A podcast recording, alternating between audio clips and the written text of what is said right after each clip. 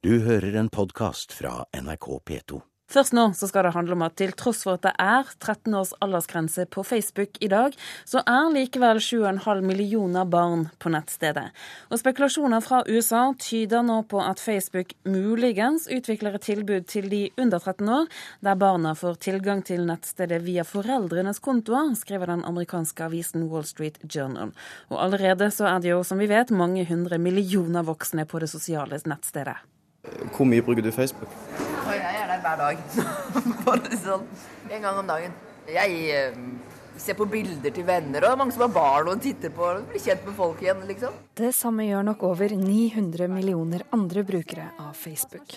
Ifølge Wall Street Journal holder Facebook på å utvikle en ny teknologi som vil gi de under 13 år mulighet til å bruke det sosiale nettverket under foreldrenes tilsyn.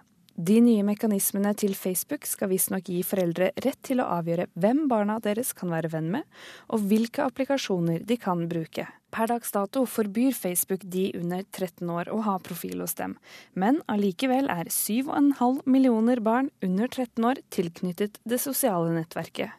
Og Merete Klausen Moe, daglig leder i Barnevakten, er bekymret for utviklingen. Barn de vet ikke helt at de skjønner ikke helt at det de skriver der, eh, blir værende for alltid.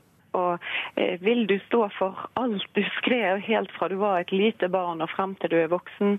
Alle bilder og alt. sant? Det, det ligger der.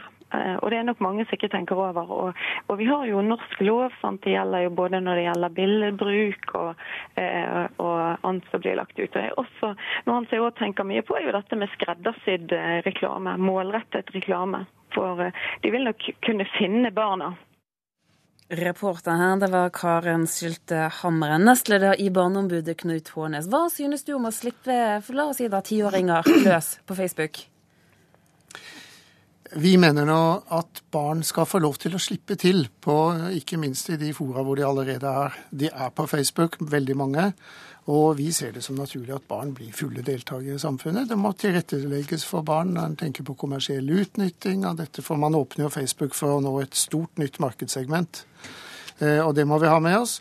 Men sånn i utgangspunktet så mener Barneombudet at barn skal kunne delta, også på Facebook. Og barn skal ikke bli unødvendig overvåket, heller ikke av foreldrene sine. Men det skal være en kontroll og en beskyttelse av barn. Hva slags kontroll og beskyttelse da? Muligheten til at foreldrene samarbeider med barna om eh, nettbruken og deres. Men eh, vi ønsker ikke et system der foreldrene er totalsensurinstans for barnas aktivitet på nett. Det lærer ikke barna godt nettbruk. Tror du at eh, tiåringer er modne for Facebook? Ja, Nå viser jo faktisk bruken av Facebook at det er utrolig mange voksne som heller ikke er modne. Eh, det er mye dårlig oppførsel der ute, og det er veldig mye uvettig bruk av både bilder og uttalelser osv. Men dette er noe som må læres, og Facebook er kommet for å bli. Men en tilpasset versjon der hvor markedsføringen og reklame tones ned og tilpasses den aldersgruppen, sånn at det ikke er en aggressiv markedsføring. Og så må foreldre selvfølgelig samarbeide og veilede og hjelpe barna i å finne seg til rette på et, eh, en plattform som de uansett kommer inn på. Det er flere ting vi skal gripe tak i etter hvert her, men vi skal først gi ordet til en av de som sikkert kjenner der Facebook bedre enn de fleste, forsker på Finsintef, Petter Brandtzæg. Hva tror du er det farlig å la barn være på Facebook? Nei, jeg tror ikke det er så farlig. Altså, jeg er helt enig med Barneombudet her at man kan slippe til barn på Facebook. Og denne loven, den er jo amerikansk. Uh, og det er mulig vi får en sånn lov også i EU snart. Altså at det blir en 13 års aldersgrense for å harmonisere dette med USA. Men uh, foreløpig så er det ikke noe sånn lov. Og altså i, i Norge, da, som nødvendigvis på en måte hindrer barn og unge fra å være med på Facebook, utover at man da må respektere at tjenesten har en slik eh, aldersgrense. Men det er det jo ikke alle som gjør. Og jeg syns det er greit at barn og unge får lov til å prøve seg litt i, når de er 10-11-12 år på Facebook, for da kan de på en måte lære av sine feil tidlig, gjerne sammen med foreldrene, eller under foreldrenes veiledning. Men denne loven som vi refererer til nå, sånn at vi har det helt klart for oss, den handler om markedsføring i USA? Ja, det er en Children uh, Privacy Protection Law som uh, handler om uh, at barn og unge må ha samtykke fra foreldre for å gi ut personopplysninger i offentlige fora. Så, og det er klart at dette er gjort også for å beskytte barn og unge mot markedsføring. Mm. Men det er klart, bare sånn for å si det, at Eh, inntil reglene på Facebook er endret, så vil jo vi anbefale folk å overholde den 13-årsgrensen som er der. Men eh, at, barn, at man nå ser på muligheten for at yngre grupper kan komme til og prøve seg, men igjen under foreldrenes veiledning og overvåkning. I den grad de er gode veiledere, så, eh, så, så er ikke vi prinsipielt imot det. Men Brandtzæg, hvorfor mener du at barn har godt av å prøve seg? Nei, altså På Facebook kommer de før eller siden og i en alder mellom 10 og 12 år så er ikke barn veldig aktive på nettet. Det er først etter 12-13 år at de blir virkelig aktive. Så Derfor kan dette være en myk overgang, hvor man har på en måte relativt eh, kontroll med hva barn og unge gjør, og at man kan lære dem opp i nettbruk, og hvordan de på en måte kan håndtere Facebook på en sikker og god måte. Og når du da sier mann skal lære dem, ja, altså, hvem er det? Da blir det jo foreldre ja. primært, men altså, dette bør jo også komme inn i skolen, mener nå jeg. Det er klart, Barn har jo rett til å motta og gi informasjon. Det, det ligger i Barnekonvensjonen. Og barn har også rett på en beskyttelse. Så det er to sider her. Både å være, ha tilgang og være aktive i den grad de vil være aktive. Men en myk start, som, eh, som Petter Brandtzæg sier, det, det, tror jeg er godt. Men også en beskyttelse.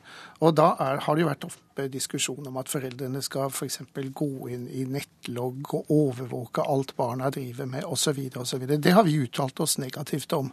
Så du går ikke inn og snoker i barnas nettbruk uten at det er diskutert med barna at vi kommer til å gjøre det, for nå er du litt ute å kjøre. Men det er som å ikke lese ungenes dagbok. Det gjør man heller ikke. Hansek, du er også svært skeptisk til dette med for mye overvåking fra foreldrenes side. Hvordan skal man egentlig da sørge for god beskyttelse? Nei, Det er et stort dilemma, dette med trygghet versus på en måte Overvåkning. Ja, mm. overvåkning. Og, men eh, altså, det er veldig mange andre tjenester her ute som eh, også barn og unge driver med, da. Og som er vel så skumle, for å si det sånn, som Facebook, som foreldrene kanskje ikke har så stor klar over. Altså du er Habbo Hotel, du har Go Supermodern. Altså Google har jo også en 18-årsgrense, ikke sant, som ingen er klar over. Sånn at det er, eh, det er veldig mange aldersgrenser der ute som uh, foreldre og barn og brukere flest ikke har oversikt over eller vet om.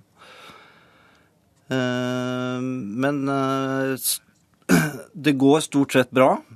Og jeg er av den oppfatning at barn og unge trygt kan begynne å bruke Facebook i 10-11 års alder. Altså. Og så vil du gjerne ha det inn i skolen, sier du. Er skolen klar for noe slikt?